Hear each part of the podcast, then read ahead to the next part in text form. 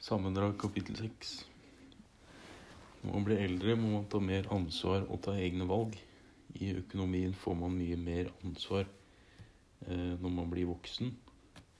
Kunnskap om økonomi og forbruk er viktig. Hele samfunnet vårt er et eh, forbrukersamfunn. Eh, og eh, når vi kjøper noe, så kjøper vi det ofte fordi vi ønsker å ha det, og ikke fordi vi nødvendigvis trenger det. Eh, med overskudd så følger det et etisk ansvar. Eh, det betyr at vi må tenke over hva vi kjøper. Eh, og det kan være lett å glemme at rikdom kan erstatte det å ha gode venner.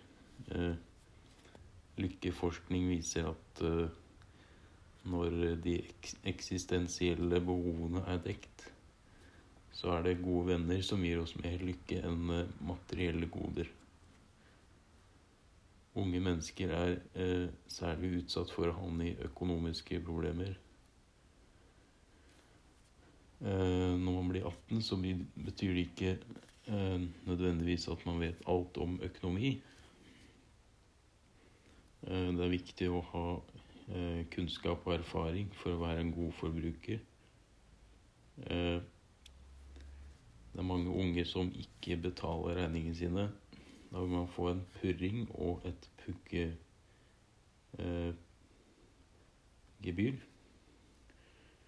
Eh, som er en tilleggssum fordi du er sen med å betale regningene. Hvis man ikke betaler da, så får man eh, inkassokrav. Eh, og etter det en betalingsanmerkning. Eh, betalingsanmerkning har konsekvenser for økonomien senere i livet.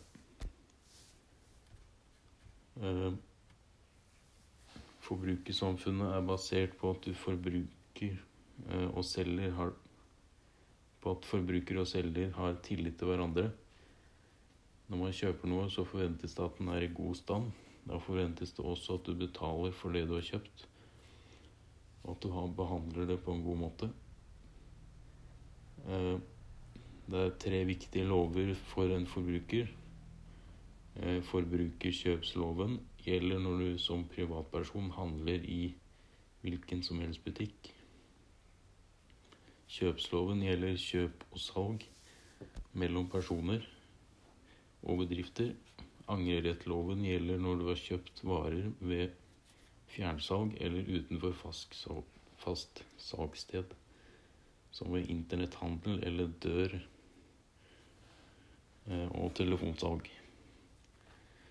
Man har klagerett på varen du har kjøpt. Man kan klage hvis eh, varen ikke fungerer som den skal.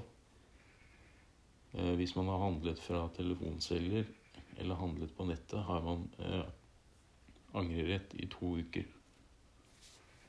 Eh, et viktig steg som ung er å ha oversikt over kommende inntekter og utgifter.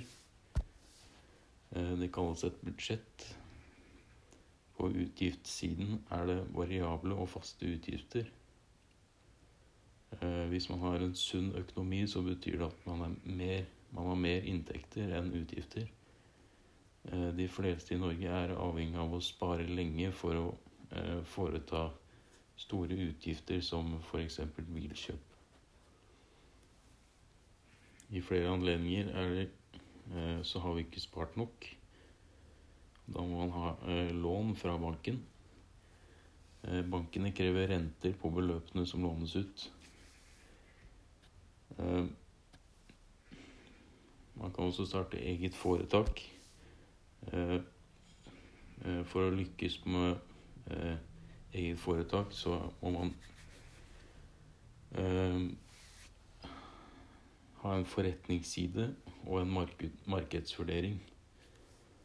Eh, man eh, kan utvikle et produkt som er bedre enn konkurrentene.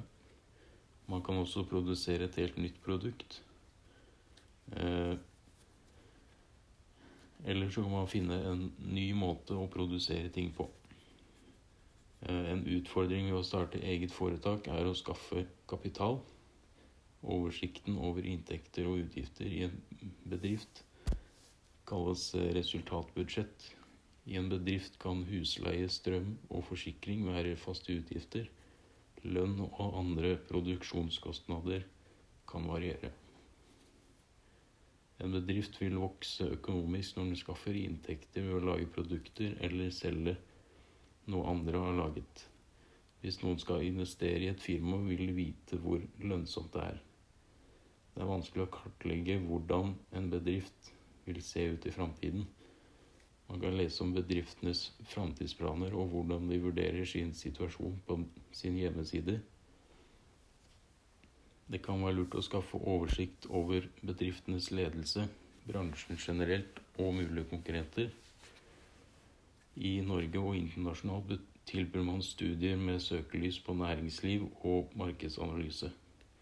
Det kan hjelpe til med å lykkes hvis man skal opprettholde egen bedrift, eller vurdere om andre bedrifter er lønnsomme.